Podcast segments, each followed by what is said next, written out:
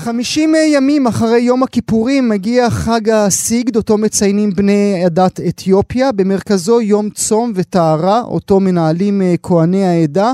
בליבו התחברות. נמצא איתנו עכשיו ראש הקתדרה הבינלאומית לחקר יהדות אתיופיה בקריה האקדמית אונו, הרב, הדוקטור שרון שלום. תודה רבה שאתה נמצא איתנו. מלכם יסיגד בעל.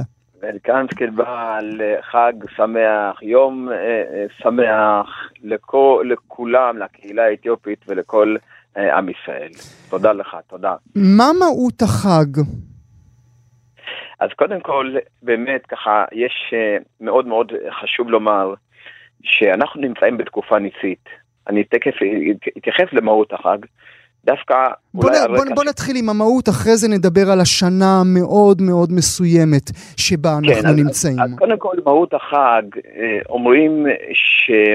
אתה יודע, יש, שמעתי פעם מפי איש, פרופסור איש שלום, שאמר שמשה אמת בתורתו אמת. אז הכוונה, יש איזושהי אמת היסטורית, אם היה מעמד הר סיני או לא היה מעמד הר סיני, אבל, אבל יש גם אמת אחרת, האמת האחרת היא האם הרעיונות שהציג משה mm. הן אמת. Mm. עכשיו במובן הזה, על פי הקהילה האתיופית, מי שייסד את החג הזה היו שבי ציון, עזרא ונחמיה, שבעצם הם דאגו לחדש את הברית בין העם היהודי לאלוהים. כל, וכמובן, אלה ש, כל אלה שחזרו מגלות בבל בעצם. כל אלה שחזרו מגלות בבל. היה רפיון מבחינה דתית, נישואי תערובת, התבוללות, וסוג של רפיון בשמירת uh, המצוות, ועל מנת לחזק ולחדש את הברית בין אלוהים לבין, לבין העם היהודי, אבל, אבל החשוב גם לחדש את האימון. בין אחד לשני. כי מה שהביא כי, הרי... כי, כי בעצם מהי הברית? זה לא קיום המצוות, זה ל, ל, לדבר האחד עם השני. אבל זה, זה בדיוק הרעיון, אנחנו שוכחים שהיום אנחנו באים ואומרים, אה, כל הבעיות מתחילות בגלל אה, שמאל וימין, אתיופים וחילונים אה, ו- ורוסים וכולי וכולי. אבל בלי להבין שמה שהחריב את בית המקדש זה לא חילונים, זה לא אתיופים, זה לא... אה, בזה שיש מגוון עצום של תרבויות אה, ושל מנהגים ושל זרמים, אלא בזה שניסינו ליצור חברה מונוליטית, בזה שניסינו ליצור חברה חד-גונית. וזה הביא בסופו של יום לחורבן בית המקדש. מי השאיר לבית בית המקדש? היו דתיים. Mm-hmm. חוסר סבלנות טוטאלית. Mm-hmm. עכשיו, הרעיון של החג הסיג בא ואומר, שבעצם אנחנו מחדשים את הברית הזאת. מחדשים את הברית הזאת, קודם כל אימון, אמון בין אחד לשני. אנחנו מסוגלים לפתוח את שערי שמיים, ולכן 50 יום אחרי יום הכיפורים, שבעצם אה, אה, עושים איזה סוג של חשבון נפש. זאת אומרת, זאת אומרת, בניגוד ליום הכיפורים, לא בניגוד, בתוספת ליום הכיפורים שבה אנחנו עושים, אה, אה, מכפרים על עצמנו, כאן זו קהילה שלמה שמכפרת יחד. אז התודעה, הדבר החשוב ביותר בקהילה האתיופית זה בעצם התודעה, זה, זה חשבון נפש קהילתי, mm-hmm. חשבון נפש ציבורי. אה, הרבה פעמים בעולם, בעולם הרבנים מדברים על חש, חשבון נפש פרטי, אישי, בעוד שבעולם האתיופי החשבון הנפש האישי הפרטי הוא כמעט ולא קיים. מה שקיים שם באופן חזק זה חשבון נפש קהילתי, חשבון נפש ציבורי, אני מקבל את המשמעות שלי ברגע שאני חלק ממשהו.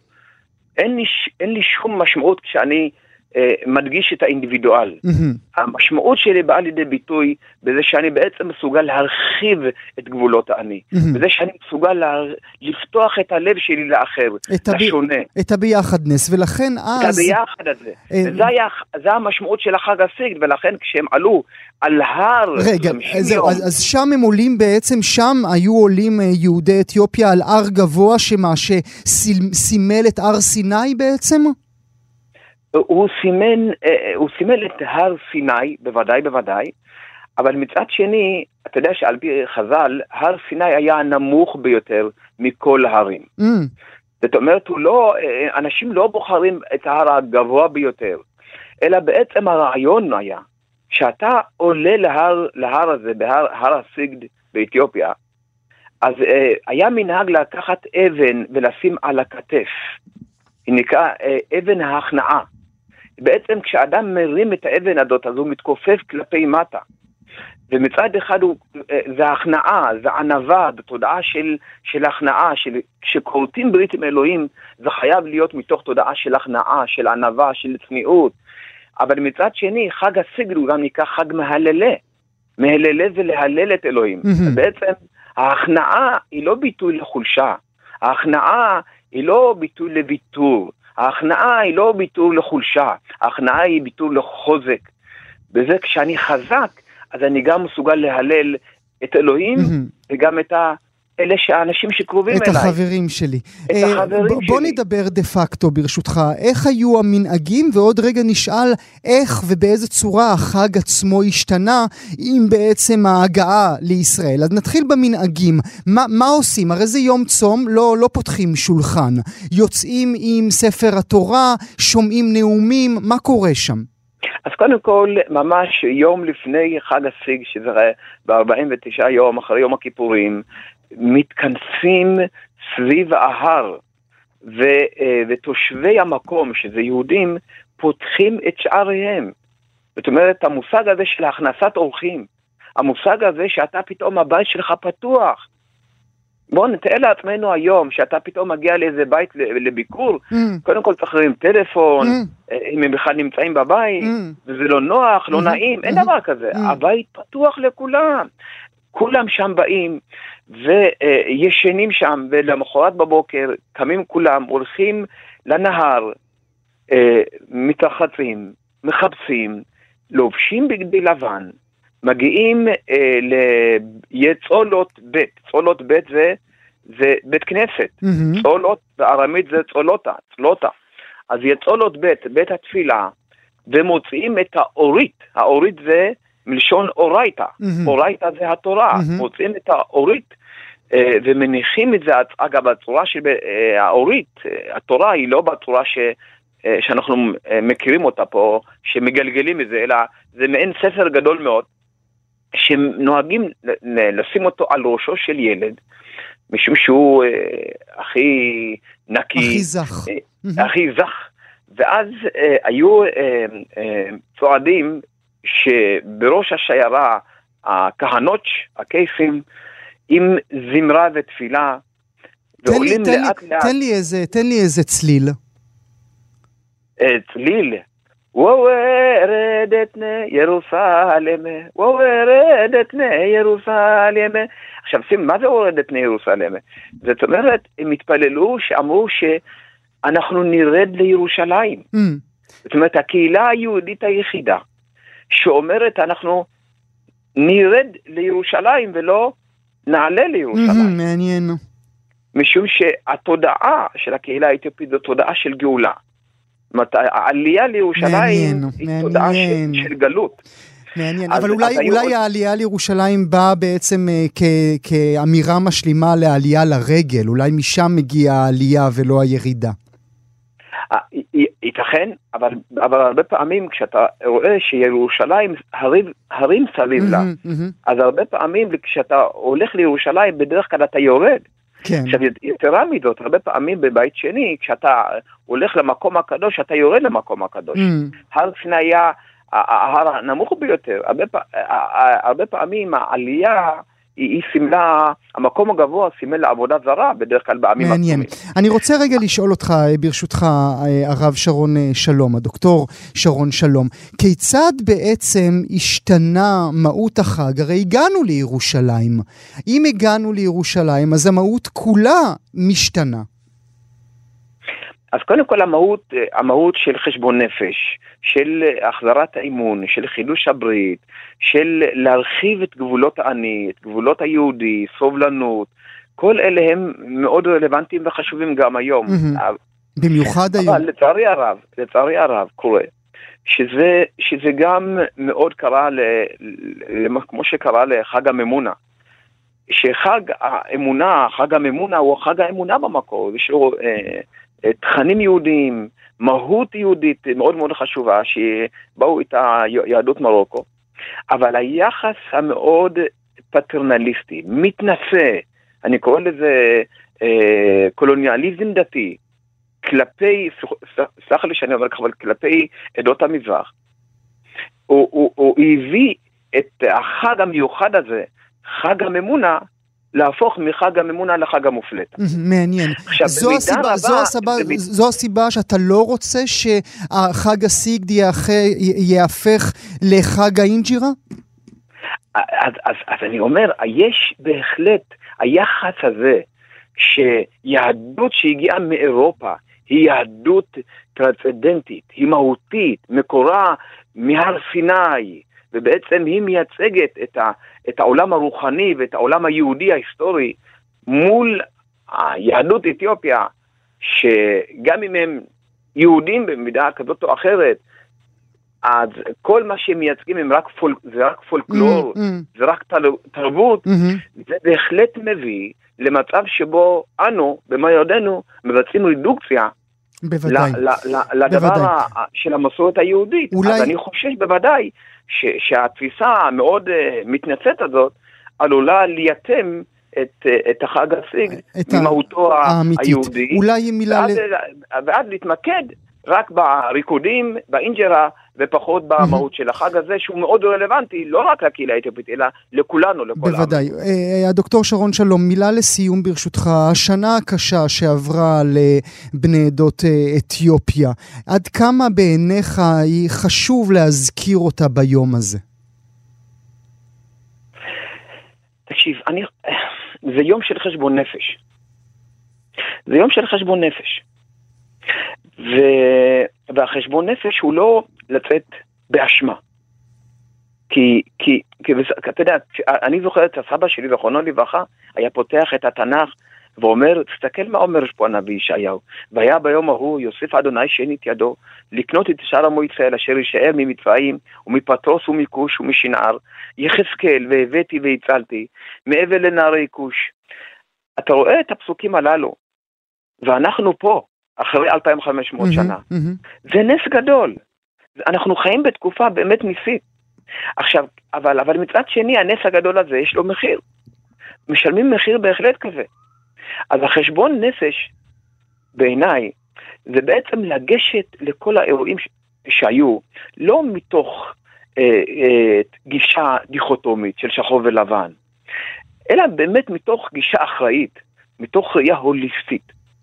שבעצם לראות את הדברים הטובים שיש בחברה הישראלית. אבל מצד שני, כן, יש בהחלט, אם זה מטעויות, אם זה מהתנשאות, אם זה מדברים אחרים, אבל בהחלט אני חושב שהחשבון נפש הזה הוא, הוא חשבון נפש של כולנו. כמובן. גם של החברה הישראלית, בעיקר של כל החברה. גם של הקהילה האתיופית, של כולנו ביחד, לבוא מתוך, לא להתעסק בנראות, אלא בעובדות, ובכך בעצם לנסות למצוא פתרונות. הרב אה, הדוקטור שרון שלום, רק לומר שהערב אה, אתה תישא דברים במוזיאון ארצות המקרא, כמובן נזמין את כל המאזינות והמאזינים שיתלוו אליך שם. נאמר לך שוב מאיתנו, מלכם יסיגד בעל, תודה רבה לך שהיית איתנו הבוקר. אתה אומר את זה כל כך נכון, באמת התקבלת להיות אה, יהודי אתיופי. בכבוד רב. חג שמח להתראות. Won't Let You, השיר היפה של אביבה דסי, נמצאת איתנו הבוקר. בוקר טוב, אביבה מלכם ישיג דבל גם לך. בוקר טוב. תודה שאת איתנו. את כבר בדרכך לירושלים או שאת uh, עוד לא? עוד לא. עוד לא. עוד רחוקה מירושלים כרגע. מה את מתכננת להיום?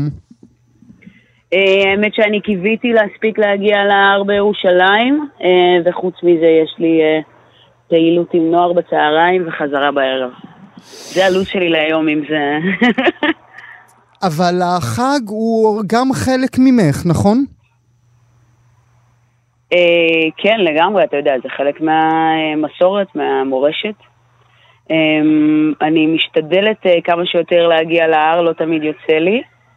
אה, אבל, אה, אבל לשמחתי יש מלא חגיגות של החג אה, סביב הארץ, שאני זוכרה לקחת חלק בהם. אז, אז, אז זה שם תמיד.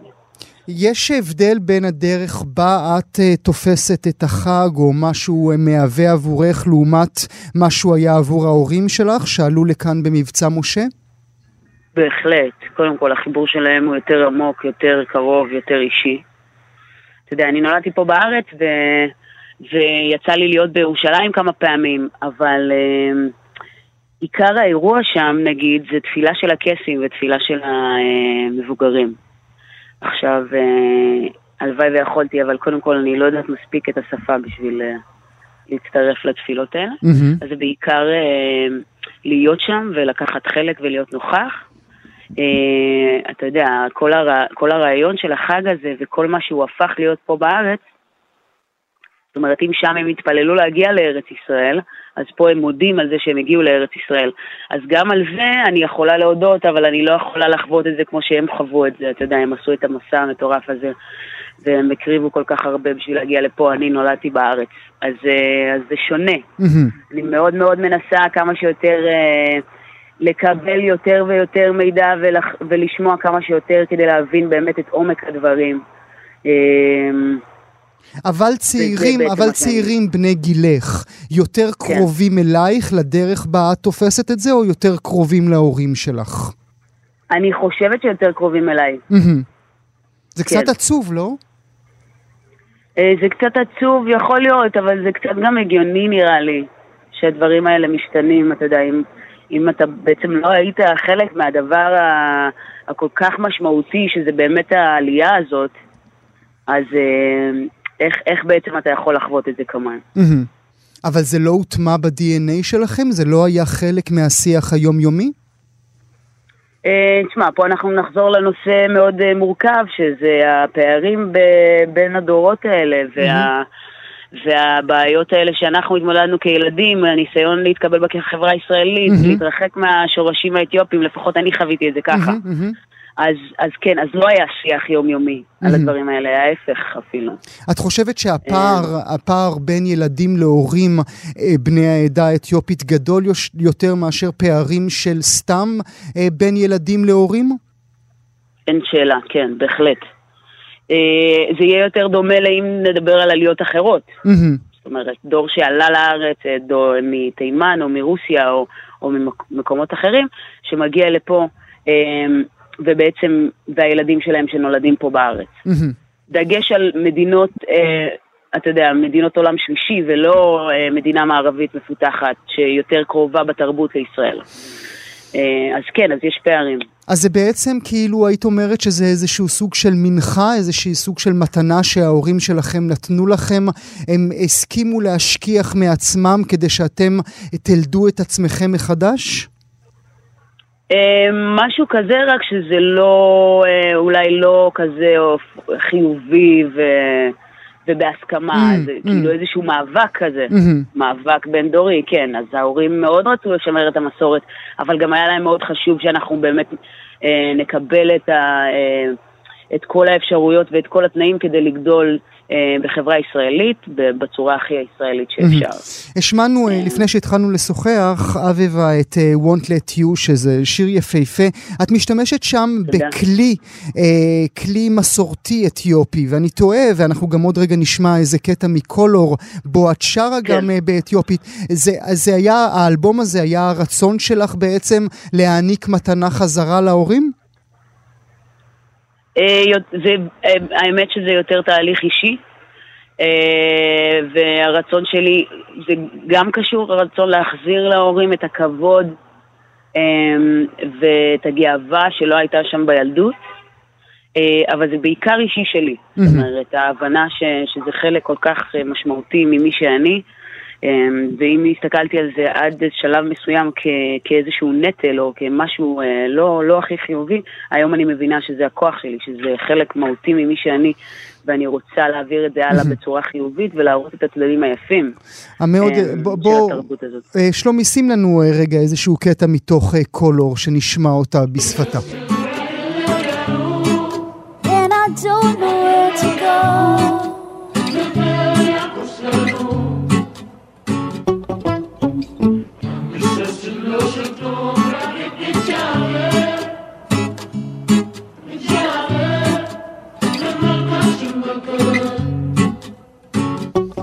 מה בעצם אומרת המקהלה, אביבה? אה, אז הקטע באמרית אומר, אה, אני אומרת שאני ואתה, אנחנו אחד, אנחנו דומים, אנחנו אותו דבר, וכשהם אומרים לי שזה לא נכון, זה פוצע את ליבי. וואו. נאמר... כן, אה, השיר מ... בעיקר מדבר על ה, באמת על המקום הזה של uh, השאיפה והחלום להגיע למקום הזה שנוכל לחיות בשוויון, בלי להתייחס לצבע, דת, מין, כל דבר כזה. וזה אכן uh, החלום ושברו? לגמרי. לגמרי. גם ההורים מרגישים ככה, אני, או שזו תחושה של הצעירים? אני מאמינה שאנחנו בדרך לשם. ההורים גם מרגישים ככה, אתה יודע, כשאתה יושב ורואה כתבות אה, בחדשות על אה, אה, ילדים קטנים שלא נכנסים לגנים, או, או נערים שמאבדים את החיים שלהם, או כל כך הרבה דברים שאנחנו שומעים עליהם, או עובדים ש, שלא נכנסים לעבודה ורק בגלל הצבע עור. Mm-hmm. אז כן, זו, זו אכזבה וזה כאב גדול גם להורים. אולי הדרך, אה, אולי תחילת הדרך יכולה להיות באמת בחגיגה בכלל כלל ישראלית של החג הנחוג היום. נאחל לך אה, כן. מלכם ישיג דבעל, אבי ודסה, אני מאוד מודה לך שהיית איתנו. או, איזה יופי, גואל. תודה שהיית איתנו. תודה רבה.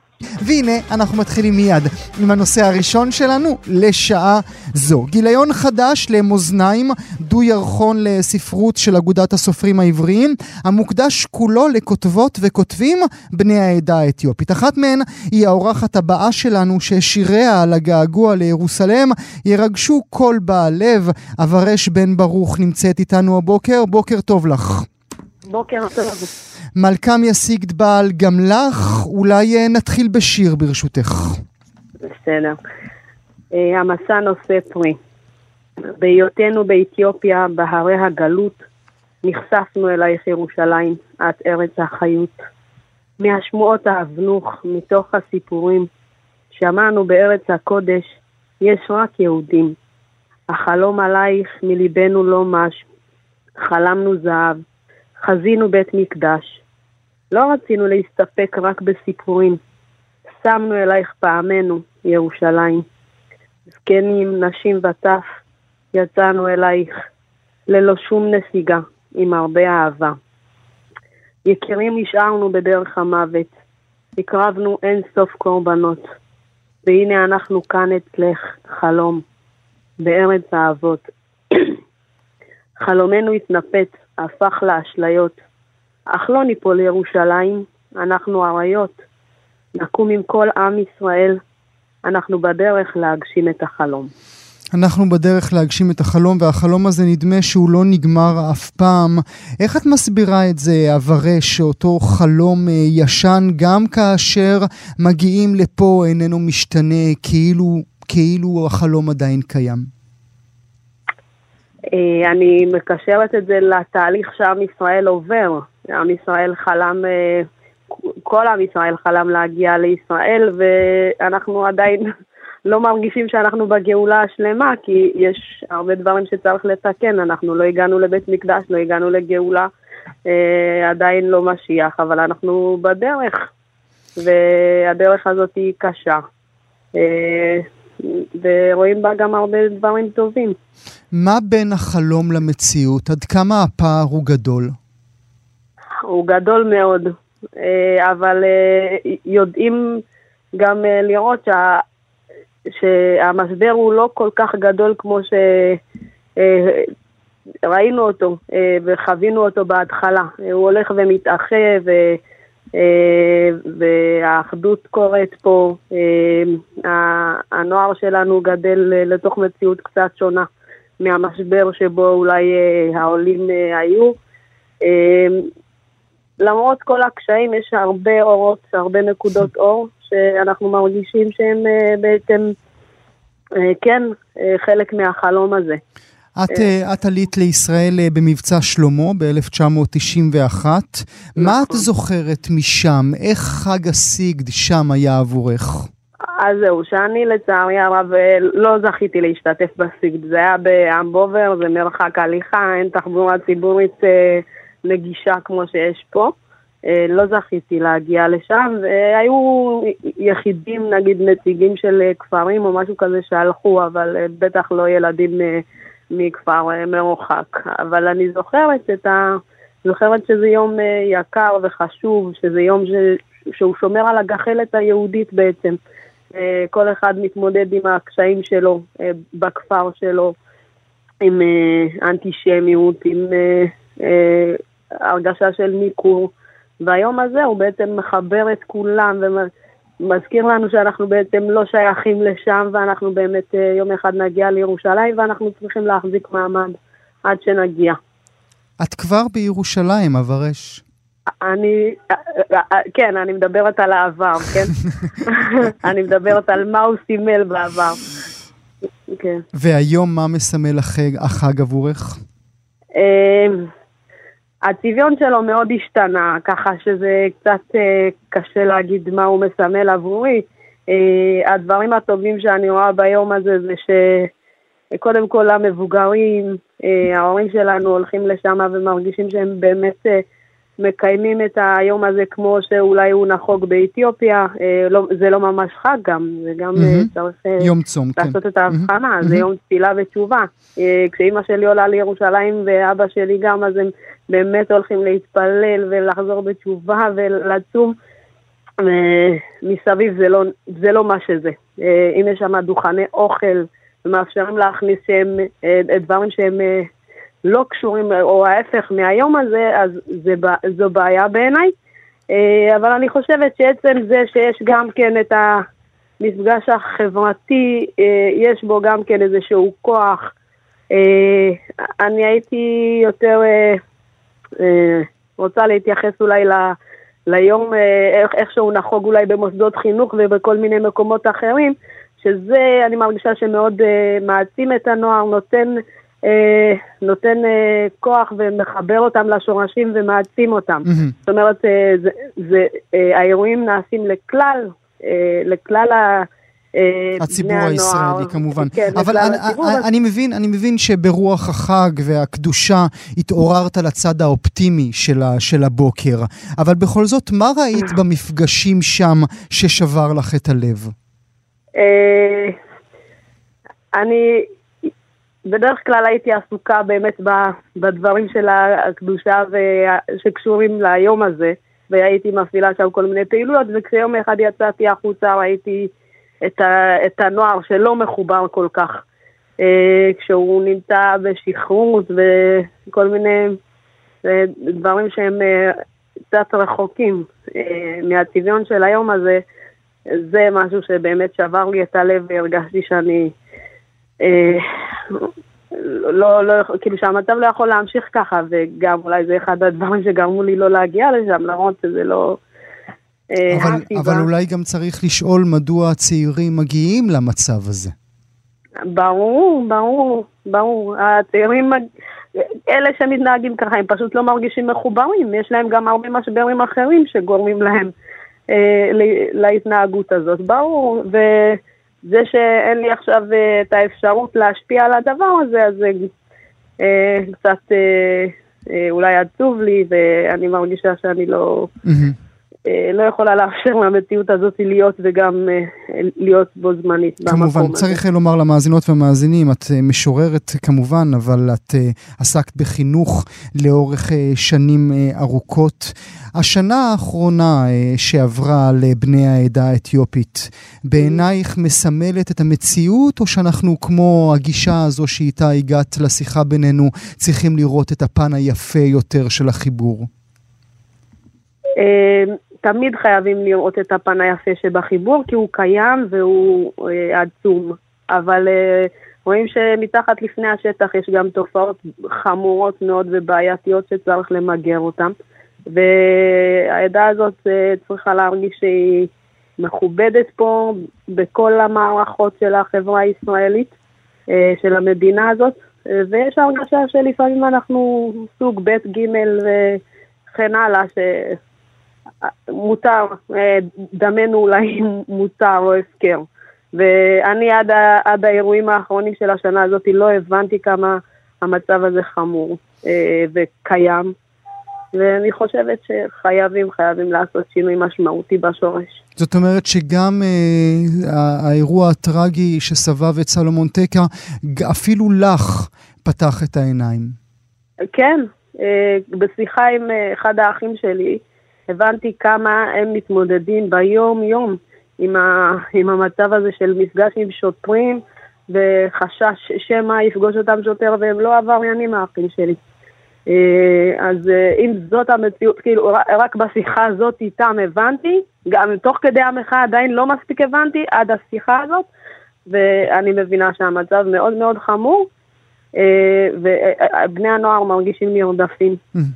ואסור שזה יקרה. אנחנו באנו לפה בשביל, כי, כי זה המקום שלנו, כי זה החלום שלנו, כי זה עם ישראל שלנו וזה הארץ שלנו, ולא יכול להיות שבני נוער וגברים פה ירגישו שהם אה, זה מעניין. פשוט נלחמים על החיים שלהם. זה מעניין, ככה. את מזכירה את האחים שלך ואת עכשיו משתמשת במילה גברים. זה אומר שאותו שיטור יתר עליו מדובר ובכלל אה, כל היחס אה, לבני העדה מופנה יותר לגברים מאשר לנשים? בגלל זה את לא הרגשת את זה? אה, אני לא בטוחה שלא בגלל זה אני הרגשתי את זה, ככה אני מבינה שזה, כאילו שזה יותר מופנה כלפי יותר גברים. אה, כלפי גברים יותר, אבל אה, אני ברוך השם לא הרגשתי את זה, ואני גם גדלתי במציאות קצת שונה אולי מאשר אה, החבר'ה של השכונות, ו... אז, אז כאילו אני גדלתי בחברה קצת שונה. אז יכול להיות שזאת הסיבה, אני לא יודעת. איך הופכים את, את הסיגד ליום כלל ישראלי ולא רק יום של בני העדה האתיופית? השאלה מה המטרה. למה? כאילו, אני, זו השאלה הראשונה ששאלתי את עצמי כשהפכו אותו ליום כזה של, ליום לאומי. אה, צריך לקחת את המהות של הדבר הזה, אה, את מה שהוא מסמל, ולהנחיל אותו לכלל, שזה בעצם קיים בכל, אני חושבת, אה, בכל המסורת היהודית, שזה האחדות, החיבור, התשובה, התפילה וכולי.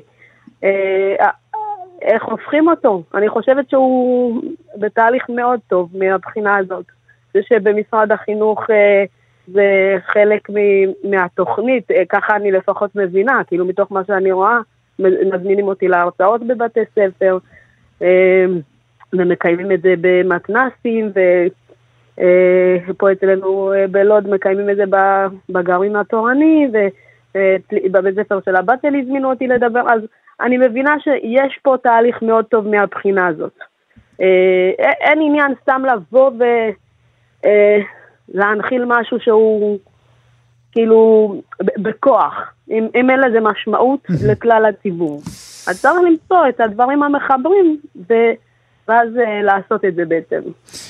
מקווה שאולי עזרנו גם בזה. נאמר לך תודה, אבירש בן ברוך, אה, מלכם יסיגד בעל. תודה שהיית איתנו הבוקר. תודה רבה, יום טוב. כאן תרבות 104.9, 105.3 FM, אתם על גם כן תרבות, מגזין התרבות של ישראל. ברגליים יחפות ובלבוש מסורתי יצאו תושבי כפר למסע אליו חלמו כל חייהם. בין היוצאים למסע היה אדינו, בקושי בן שמונה.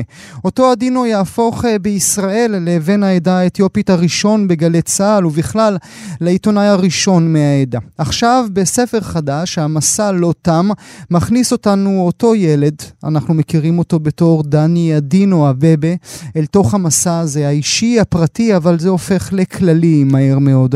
דני אדינו אבבה, מלכם יסיגד בעל, בוקר טוב לך. כפרה עליך, עשית את זה כל כך יפה, אתה כבר אתיופי. לא, אני שמח על כך. כל הכבוד, אמרתי את זה עם הביטוי נכון. תודה רבה, מה שלומך גואל? ברכות, ברכות, אה, דני. באמת המסע לא תם, אני משוחח לאורך השעתיים האחרונות עם אומנים ויוצרים אה, בני העדה, ולכולם יש את אותו תמה. אנחנו כאן, אבל זה לא נגמר.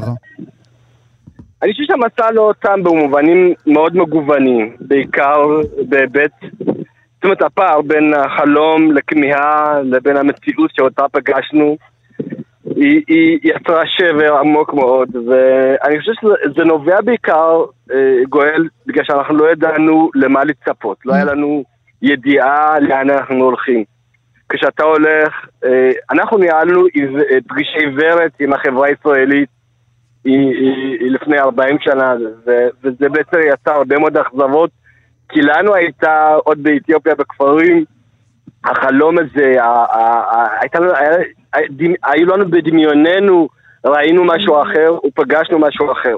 וזה כמובן יצר הרבה מאוד פער, ולצד הגילוי שלפתע הצבע העור שלנו הוא, הוא שונה, ו, ושזה לא היה אישו שם. Mm-hmm. כל זה יצרו בעיה מורכבת, אה, לא פשוטה, אה, יוצרת הרבה מאוד מכאובים. ותוך כדי כך, תוך כדי מאבק שאנחנו מנהלים עם עצמנו מול החברה הישראלית, דבר אחד שכחנו. שכחנו לספר mm. את הנרטיב שלנו. Mm. שכחנו לספר, להתמקד באמת מה עברנו.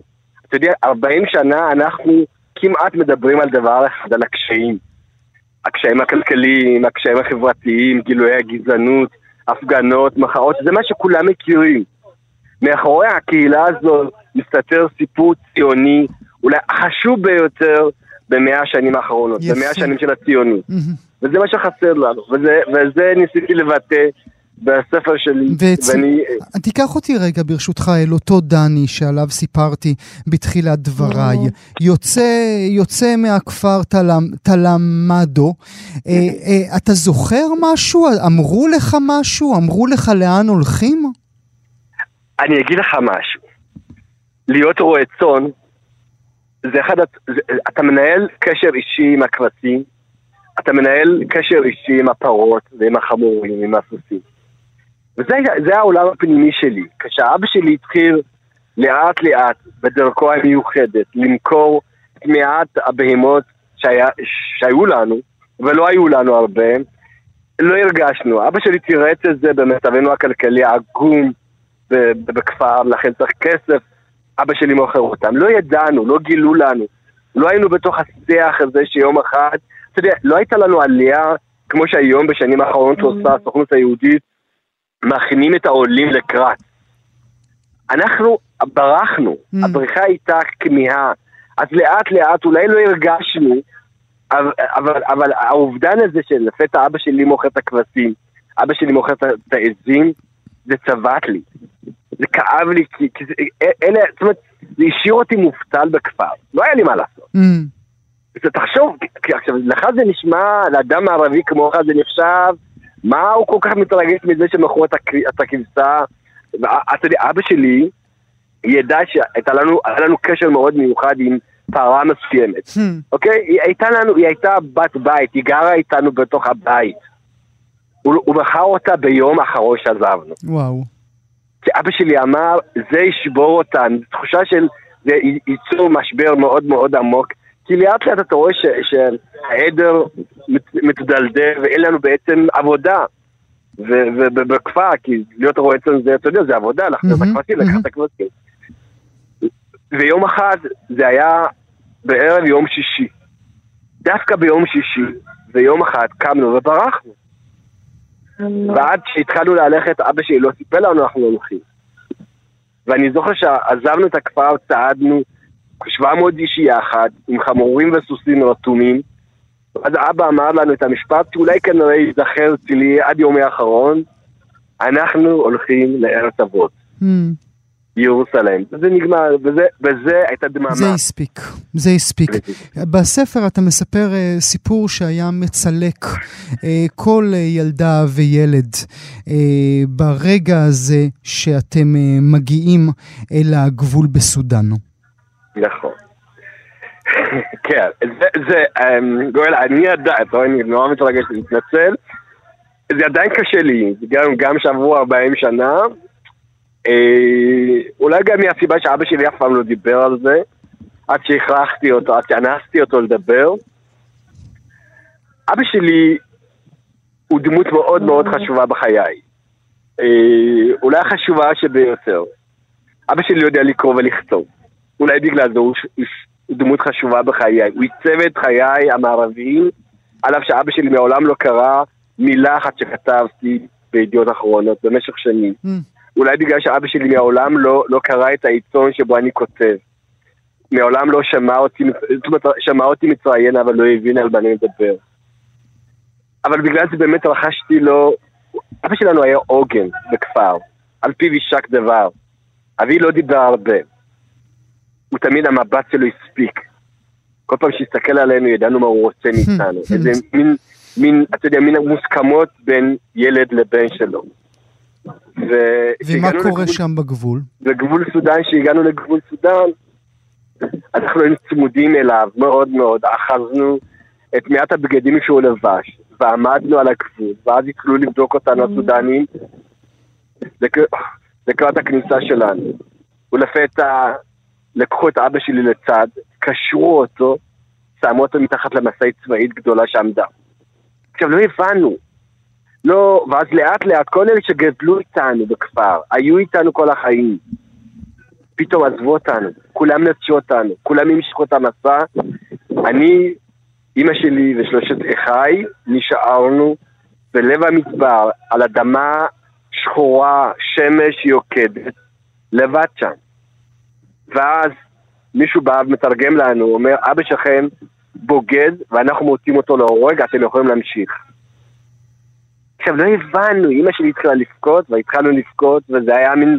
תחשוב, אתה לבד מול חיילים סודנים גבוהים, ומסתכלים עליך כאילו אתה כמהגר זר, אין לך בית ומולדת, מין זרות כזו, ואז כשהתחלנו לבכות לפתע הזדמן קצין, גבוה. אני זוכר אותו עד היום, גם אם הייתי פוגש אותו היום, הייתי יכול להכיר אותו על אף שראיתי אותו דקה. הסתכל עלינו, הסתכל על אבא שלי, זה קרה לו. מולנו, הוא סתר לאבא שלי. נתן לו סטירה כזו, שהרגשתי, אתה יודע, הרגשתי שאני מדמם. הסטירה שלו היא, היא מלווה אותי כמעט 36 שנה. דבר לא השתנה, אני זוכר את הסטירה, ואבא שלי מאז, הוא קבר, הוא לא דיבר על זה, הוא לא, הוא, הוא לא הרחיב על זה. כל פעם ששאלתי את השאלה הזו, אבא שלי התחמק, הוא אמר לא חשוב, זה לא מה שחשוב, החשוב זה שאנחנו פה, הגשמנו את החלום. הפעם אמר לי, הדבר הכי חשוב, הסתירה הזו שהבאה לי, כי אתה פה, תראה, אתה צומח, אתה ישראלי, יש לך ילדים צברים, מקורזלי שיער, יפים. זה הספיק לי, היה שווה את זה. הצלקת הזו, הסתירה, יש משהו גואל, מרוקן את הנפש שלך בזה שאתה רואה את אבא שלך עם חוסר אונים משווע, שאתה לא יכול לעזור לו. וזה, זה, זה, ואתה זה רק, ואתה אותך. רק בקושי בן שמונה או תשע. זה נכון. דני, כן. אה, אה, שאלה שסקרנה אותי לאורך הקריאה בספר שלך, הספר מתייחס כמובן לקריירה העיתונאית התקשורתית המפוארת שלך. ואני לא יכולתי שלא לטעות אם אתה מרגיש שאתה עצמך, בעצם היותך, בעצם השם השונה שלך, שמתפרסם ככה בעמוד ראשון או בכל מקום אחר, אם אתה עצמך שינית, שינית הוויה? חזרתי עכשיו, לפני חודשיים, שלושה, משליחות ציונית בדרום אפריקה. לקחתי את ילדיי, ושם הרגשתי יותר ישראלי. לפתע דיברתי מול קהל שחור, קהל לבן, על ישראל שלי, על החברה הישראלית. אני חושב שעם השנים התבגרתי. התבגרתי תרבותית, התבגרתי...